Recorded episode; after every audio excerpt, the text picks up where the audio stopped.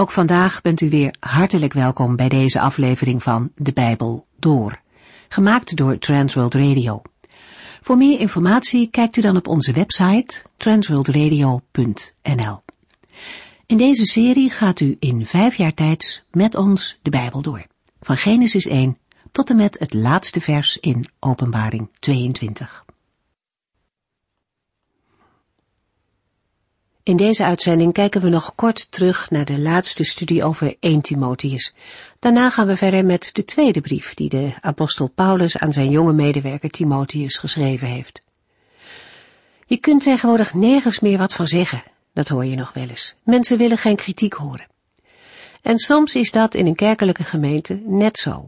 Men is bang om ergens wat van te zeggen, omdat men niemand wil afstoten. Nu is het ook een bijbelse gedachte om elkaar te respecteren en te verdragen, maar het sluit niet uit dat fouten niet benoemd moeten worden. Paulus was niet zo bang om goed en fout te benoemen. Om een gemeente gezond te laten functioneren is het nodig dat verkeerde dingen geen toegang krijgen. Het is alleen wel van groot belang om dat op een goede manier te doen. En daarover lazen we in 1 Timotheus 5. Met name wanneer de klachten betrekking hebben op oudsten, dan moet de gemeente daar bijzonder zorgvuldig mee omgaan. Om een klacht serieus te nemen is het allereerst belangrijk dat er meerdere getuigen zijn. Op die manier worden oudsten beschermd tegen laster. En verder hebben we gezien dat er een opbouw zit in de manier van terechtwijzen. Het begint klein, op persoonlijk vlak. Wanneer iemand echter niet wil luisteren en volhardt in zijn zonde, volgt er uiteindelijk gemeentetucht.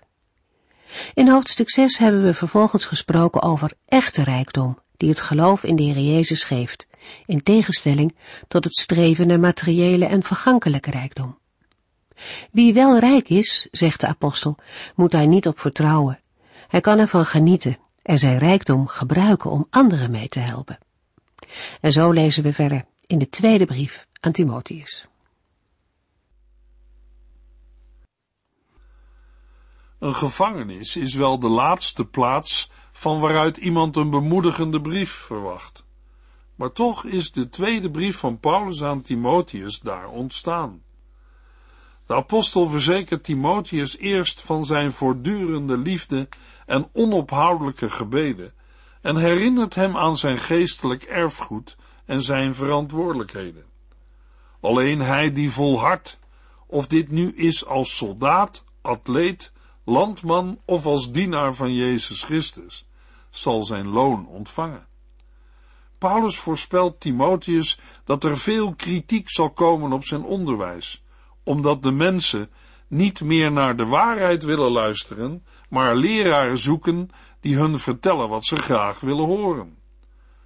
Maar Timotheus kan het voorbeeld van Paulus volgen en het woord van God kan hem versterken als hij in de laatste dagen het hoofd moet bieden aan groeiende tegenstand en gunstige gelegenheden moet benutten.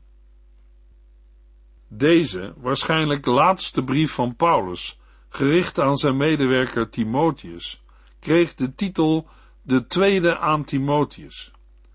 Toen de brieven van Paulus werden gebundeld, werd de B als duiding voor de tweede waarschijnlijk toegevoegd om de tweede brief te onderscheiden van de eerste. Aangezien de pastorale brieven als een eenheid behandeld moeten worden, verwijs ik voor de schrijver van de brief naar de introductie van 1 Timotheus. De naam van Timotheus komt vaker voor dan andere namen van medewerkers aan het begin van de brieven van Paulus. De vader van Timotheus was een Griek maar zijn Joodse moeder Eunike en grootmoeder Lois hebben hem van kindsbeen af onderwezen in het woord van God. Timotheus kwam tot geloof toen de apostel Paulus tijdens zijn eerste zendingsreis in Lystra was. Toen hij Lystra op zijn tweede zendingsreis bezocht, besloot Paulus Timotheus met zich mee te nemen en besneed hij hem omwille van de Joden. Timotheus werd bevestigd in de bediening van het evangelie en werd een toegewijd helper en metgezel van Paulus in Troas, Berea, Thessalonica en Korinthe. Tijdens de derde zendingsreis werkte Timotheus samen met Paulus en trad hij op als zijn vertegenwoordiger in Efeze, Macedonië en Korinthe. Hij was bij Paulus tijdens zijn eerste gevangenschap in Rome en ging blijkbaar naar Filippi na de vrijlating van de apostel. Paulus liet Timotheus achter in Efeze om daar toezicht te houden op het werk in de christelijke gemeente. Jaren later riep hij Timotheus op om zo vlug mogelijk naar Rome te komen, omdat Demas hem verlaten had. In Hebreeën 13 vers 23 lezen we over Timotheus. Het zal u goed doen te horen dat onze broeder Timotheus weer uit de gevangenis is. Als hij hier op tijd komt, zal ik u samen met hem bezoeken. Er staat verder niet bij waar Timotheus gevangen heeft gezeten. In 1 Timotheus 5 vers 23 hebben we gelezen dat Timotheus vaak ziek was. Uit 2 Timotheus 1 vers 6 tot en met 8 moeten we concluderen dat Timotheus verlegen was. En in 1 Timotheus 4 vers 12 lazen we dat Timotheus al jong in de bediening van het evangelie actief was. Verder blijkt uit de brieven van Paulus dat Timotheus een begaafd leraar was, betrouwbaar en ijverig. Over de gebeurtenissen die volgden op de eerste Romeinse gevangenschap van de apostel Paulus hebben we uitgebreid stilgestaan bij de inleiding op de eerste brief aan Timotheus. De vrede en grillige keizer Nero was verantwoordelijk voor het uitbreken van de Romeinse christenvervolging. Half Rome werd in juli van het jaar 64 na Christus door brand verwoest en vanwege de groeiende achterdocht dat keizer Nero verantwoordelijk was voor deze hevige brand, gebruikte Nero de impopulaire christenen als zondebok. Het christendom werd zo een verboden godsdienst. Er brak een zware vervolging uit van christenen. Toen Paulus in het jaar 66 na Christus uit Spanje terugkeerde naar Klein-Azië, konden zijn vijanden profiteren van het officiële standpunt dat Rome tegen het christendom innam.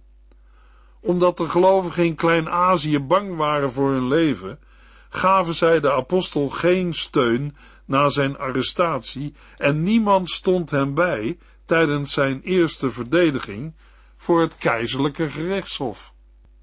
Paulus schrijft in 2 Timotheus 1 vers 15 tot en met 17 je weet dat alle christenen die vanuit Azië hier zijn gekomen, mij in de steek hebben gelaten.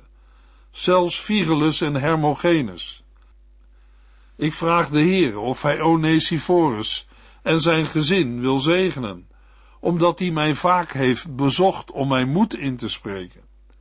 Zijn bezoeken waren voor mij een verfrissing. Hij schaamde zich er niet voor met een gevangene bevriend te zijn. Integendeel, toen hij in Rome aankwam, heeft hij overal naar mij gezocht en mij tenslotte gevonden. Door bijna iedereen aan zijn lot overgelaten, bevond de apostel Paulus zich in heel andere omstandigheden dan tijdens zijn eerste gevangenschap in Rome. In die periode stond hij alleen onder huisarrest, konden mensen hem ongehinderd bezoeken en hoopte hij op vrijlating. Nu zat hij in een koude Romeinse cel. Werd hij gezien als een misdadiger en koesterde geen hoop op vrijspraak, ondanks het succes van zijn eerste verdediging. Onder deze omstandigheden schreef Paulus zijn brief in het najaar van het jaar 67 na Christus, in de hoop dat Timotheus hem zou kunnen bezoeken voor de naderende winter. Timotheus was blijkbaar in Efeze ten tijde van deze tweede brief. En op weg naar Rome zou hij door Troas en Macedonië komen. Prisca en Aquila keerden vermoedelijk vanuit Rome terug naar Efeze na de brand van Rome en het begin van de vervolging. Waarschijnlijk heeft Tychicus de tweede brief bij Timotheus gebracht. Met betrekking tot de inhoud van 2 Timotheus valt op dat de apostel Paulus een aantal hoofdzaken over Jezus Christus naar voren haalt. In 2 Timotheus 1 vers 9 en 10 schrijft Paulus, in Jezus Christus wilde Hij, de Heere, ons zijn liefde en genade laten zien. En nu heeft Hij ons dit allemaal duidelijk gemaakt door de komst van onze redder, Jezus Christus, die de macht van de dood gebroken heeft en ons heeft laten zien hoe wij, door op hem te vertrouwen, eeuwig leven kunnen krijgen. Vervolgens lezen we in 2 Timotheus 2 vers 8 Vergeet nooit dat Jezus Christus, een nakomeling van koning David, uit de dood is opgewekt. En aan de mensen die door God zijn uitgekozen brengt Jezus Christus redding en eeuwige heerlijkheid. Want als gelovigen samen met Christus gestorven zijn, zullen zij ook met hem leven. Allen die vol verwachting naar zijn terugkeer uitkijken, zullen de krans ontvangen en zullen wij eens met hem regeren. In de tweede brief aan Timotheus gaat het om volharding in de pastorale bediening. Paulus draagt Timotheus op in het geloof te volharden en het werk voor te zetten dat de ten dode opgeschreven apostel nu moet opgeven. In deze instructies moedigt Paulus Timotheus aan voortdurend Gods woord te gebruiken om de groeiende tegenstand tegen de verspreiding van het evangelie te overwinnen. Timotheus heeft deze bemoediging hard nodig, wegens de moeilijkheden die hem te wachten staan. Door middel van deze brief maakt Paulus hem duidelijk hoe hij moet omgaan met vervolging door de wereldlijke autoriteiten en met oneenigheid en bedrog binnen de gemeente. Als een geestelijk vader dringt hij er bij zijn jonge helper op aan zijn natuurlijke verlegenheid te overwinnen en het evangelie vrijmoedig te verkondigen, zelfs al zal dit lijden met zich meebrengen. Kernteksten waar deze dingen uit blijken zijn 2 Timotheus 2 vers 3 en 4. Neem als een goed soldaat van Jezus Christus je deel van het lijden op je, net als ik. Laat je als soldaat van Christus niet in beslag nemen door de zorgen van het leven, want dan zal degene die je in dienst heeft genomen niet tevreden over je zijn. En 2 Timotheus 3 vers 14 tot en met 17. Maar jij moet blijven geloven wat je is geleerd. Je weet dat het allemaal waar is, omdat je weet dat je ons kunt vertrouwen. Wij hebben het jou immers geleerd je hebt van jongs af aan geleerd wat er in de boeken staat, die je inzicht geven hoe je gered kunt worden door het geloof in Christus Jezus. Alles in de boeken is door God geïnspireerd en is nuttig om ons de waarheid te leren en ons te wijzen op wat er aan ons leven en geloof nog mankeert. Het zet ons leven op orde en helpt ons in te zien wat juist en goed is. Zo maakt God ons klaar opdat Hij ons voor elk goed werk kan gebruiken.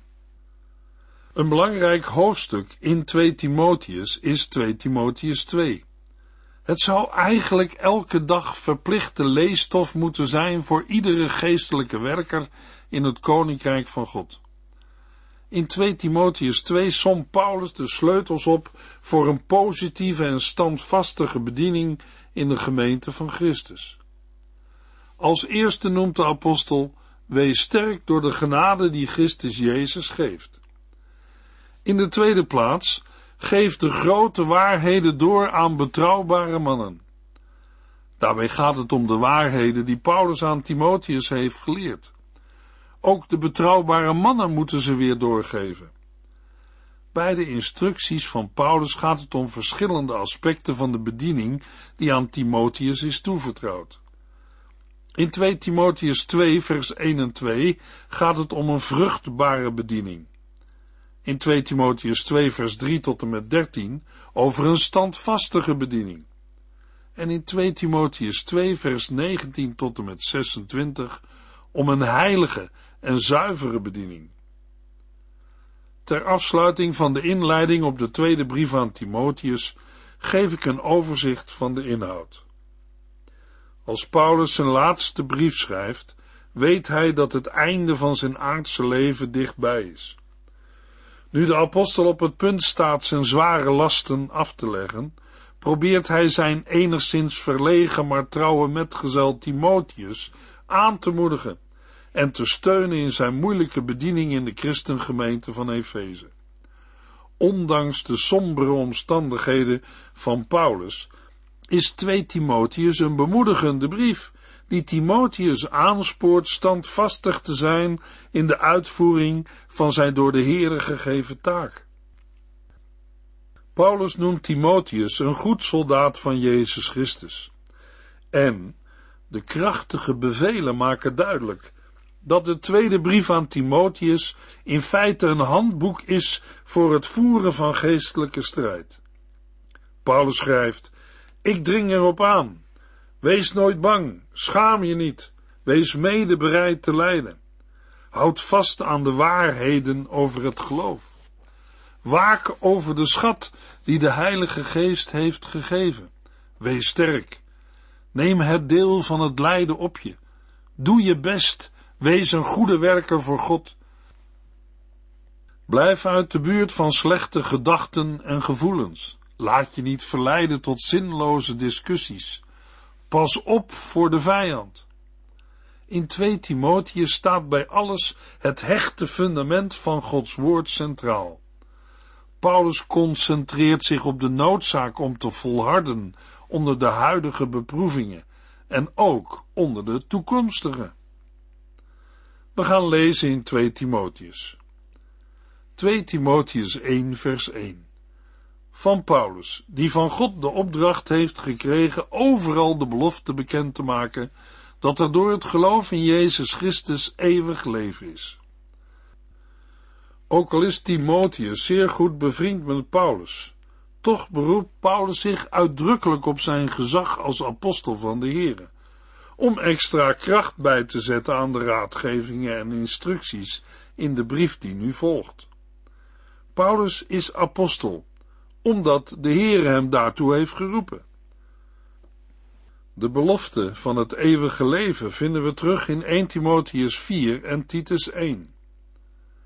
De bedoeling van deze uitdrukking zal hier zijn dat Paulus als apostel in dienst staat van Gods plan, het plan om het eeuwige leven te geven aan een ieder die gelooft. Door het geloof in Jezus Christus geeft aan dat er geen ander leven bestaat dan in en door Christus. Luisteraar, Jezus Christus geeft u het eeuwige leven als u op Hem vertrouwt. Hij wil ook uw persoonlijke redder en verlosser zijn. Hij heeft al uw zonden verzoend op het kruis van Golgotha. Daartoe heeft God de Vader zijn enige zoon gegeven, zodat ieder die in hem gelooft niet verloren gaat, maar eeuwig leven heeft. Gelooft u, geloof jij in hem? Dat zal blijken uit uw levenswandel en het dienen van de Heere. 2 Timotheus 1 vers 2 Aan Timotheus, van wie ik houd als mijn eigen kind. Ik wens je de genade, het medeleven en de vrede toe van God, de Vader, en van Jezus Christus onze Heer. Paulus noemt Timotheus zijn kind. In het spraakgebruik van het Nieuwe Testament betekent dit meestal dat Timotheus door Paulus tot bekering is gekomen. Uit Handelingen 16 blijkt dat Paulus in Lystra pas kennis maakte met Timotheus. De woorden van wie ik houd als mijn eigen kind slaan dan eerder op de relatie die door de vorming en training is ontstaan, die Timotheus van Paulus heeft ontvangen. De genade, het medeleven en de vrede die Paulus Timotheus toewenst, zijn een uitvloeisel van de genade, barmhartigheid en vrede die een gelovige bij zijn bekering ontvangt. Het zijn hier de zegeningen van de Heere voor het dagelijks leven. De toevoeging onze Heere onderstreept de verbondenheid tussen Paulus en Timotheus door het kennen en dienen van dezelfde Heer Jezus Christus. 2 Timotheus 1 vers 3 Net als mijn voorouders dien ik God met een zuiver geweten. Ik dank hem ervoor dat ik dag en nacht voor jou kan bidden. Paulus begint zijn brieven altijd met een dankzegging, voordat hij overgaat tot het eigenlijke onderwerp van de brief. Hij ziet zichzelf in een lijn van voorouders die de Here dienden. Het Griekse woord voor dienen heeft meer te maken met vereren dan met het verrichten van godsdienstige zaken. Paulus laat met deze woorden zijn respect en dankbaarheid zien aan de generatie voor hem, die hem de dienst aan de Heere en Gods beloften hebben overgeleverd. Maar dit respect kan niet zo ver gaan dat het halstarrig vasthoudt aan de door de voorouders overgeleverde Joodse leer. Dat zou een verhindering zijn om Christus beter te leren kennen. In Filippenzen 3 vers 8 en 9 schrijft de apostel, Echt, ik beschouw zelfs alles als waardeloos, omdat niets meer waarde heeft dan het kennen van Christus Jezus. Ik heb alles als vuilnis weggegooid om Christus te kunnen ontvangen en één met Hem te zijn. Ik reken er niet meer op dat ik het met God in orde kan maken door het houden van allerlei wetten. Nee, daarvoor vertrouw ik nu op Christus. Hij maakt het goed tussen ons en God, als wij maar in Hem geloven. Paulus schrijft, net als mijn voorouders dien ik God met een zuiver geweten. Een zuiver geweten komt bij Paulus vaker voor, en steeds samen met geloof. Het geweten kan, als het gepaard gaat met geloof en geïnspireerd wordt door de Heilige Geest, een waardevolle bron van leiding in het leven zijn. In Romeinen 9 vers 1 zegt Paulus, Christus weet dat ik de waarheid spreek, en de Heilige Geest bevestigt het in mijn geweten. Dag en nacht hoort bij bidden. Het gebed voor de gelovigen en voor zijn medewerkers maakte een belangrijk deel van het leven van Paulus uit. Luisteraar, voor hoeveel mensen bidt u?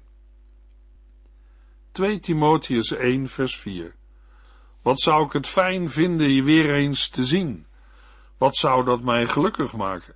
Want ik herinner mij je tranen toen wij afscheid van elkaar namen. De tranen waaraan Paulus denkt, zullen die bij het afscheid zijn geweest. De dienst van de verkondiging van het evangelie gaat dikwijls gepaard met allerlei emoties en bewogenheid. Daarbij zijn tranen een normaal verschijnsel. Wat zou dat mij gelukkig maken? Sluit aan bij zien. De woorden over de tranen maken duidelijk hoe sterk Paulus Timotheus mist. 2 Timotheus 1 vers 5 Ik weet hoe je op de Here vertrouwde, net als je moeder Eunike en je grootmoeder Lois. Ik ben ervan overtuigd dat je geloof niet verzwakt is. Bij Paulus is de herinnering wakker geroepen aan het geloof van Timotheus. Het kunnen Paulus' eigen gedachten aan zijn voorouders zijn, die de herinnering aan Timotheus' moeder en grootmoeder levend maken. Het geloof van Eunike, de moeder van Timotheus, wordt in Handelingen 16 vermeld. Maar zij was getrouwd met een Griekse man, waardoor zij buiten de Joodse gemeenschap was komen te staan. Uit de woorden van vers 5 valt op te maken dat grootmoeder Lois de eerste christen in de familie was, maar het is ook mogelijk dat Paulus doelt op het Joodse geloof van de moeder en grootmoeder van Timotheus. 2 Timotheus 1 vers 6 Daarom dring ik erop aan dat je de gave van God, die je ontving toen ik je de handen oplegde, zult ontwikkelen. Na het dankgebed, waarbij Paulus zich het geloof van Timotheus herinnert, wil de apostel Timotheus nog ergens aan herinneren. Namelijk de genadegave die Timotheus van God ontvangen heeft, voortdurend verder te ontwikkelen. Ontwikkelen is het tegenovergestelde van ontmantelen of verdrijven van de Heilige Geest uit je hart. Dezelfde vermaning vinden we ook in 1 Timotheus 4. Waarschijnlijk liet Timotheus zich snel intimideren. Hij was jong en niet erg gezond. Bovendien was er sprake van vervolgingen. De reden of de basis van de vermaningen van Paulus wordt gevonden in het geloof van Timotheus en in het feit dat Timotheus een gave van God heeft ontvangen. Volgens 1 Timotheus 4 vers 14 heeft Paulus met de gezamenlijke oudsten Timotheus de handen opgelegd. Tijdens deze gebeurtenis werd er een profetie over Timotheus uitgesproken. De Heilige Geest sprak daarin over een bepaalde gave die aan Timotheus werd toevertrouwd. De handoplegging en de profetie waren niet meer dan een middel in het ontvangen van deze genadegave. Zij werden door de Heilige Geest geschonken. Over de aard en de omvang van de genadegave wordt niet direct gesproken. In 2 Timotheus 4 vers 5 lezen we, blijf kalm en wees niet bang om voor de Here te lijden. Breng anderen tot Jezus Christus. Laat niets na van wat je moet doen. Daarmee noemt Paulus het werk van een evangelist als bediening voor Timotheus. In 1 Timotheus 4 vers 13 lezen we, tot ik kom moet je uit de boeken voorlezen. Leg de gemeente uit wat het betekent en maak het goede nieuws bekend. Met deze woorden staat het Bijbelonderwijs centraal als genadegave voor Timotheus. In 2 Timotheus 2 vers 24 vult Paulus aan met de woorden Een knecht van de Here mag geen ruzie maken. Hij moet de mensen die verkeerd doen vriendelijk en geduldig terechtwijzen. Timotheus zal de gave van evangelist en leraar van de Here hebben ontvangen, ten dienste van de bediening die God hem heeft toevertrouwd. In de volgende uitzending lezen we 2 Timotheus 1, vers 6 tot en met 18. U heeft geluisterd naar De Bijbel Door, in het Nederlands vertaald en bewerkt door Transworld Radio. Een programma waarin we in vijf jaar tijd de hele Bijbel doorgaan. Als u wilt reageren op deze uitzending of u heeft vragen, dan kunt u contact met ons opnemen. Tijdens kantooruren kunt u bellen op 0342 478432. 0342 478432. Ook kunt u een e-mail sturen naar de en natuurlijk kunt u ook via de post ons bereiken.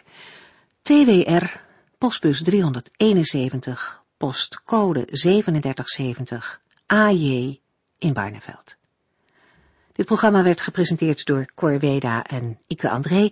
Techniek was in handen van Odin van Voorkom. En wij allemaal bedanken u voor het luisteren. Graag tot de volgende keer.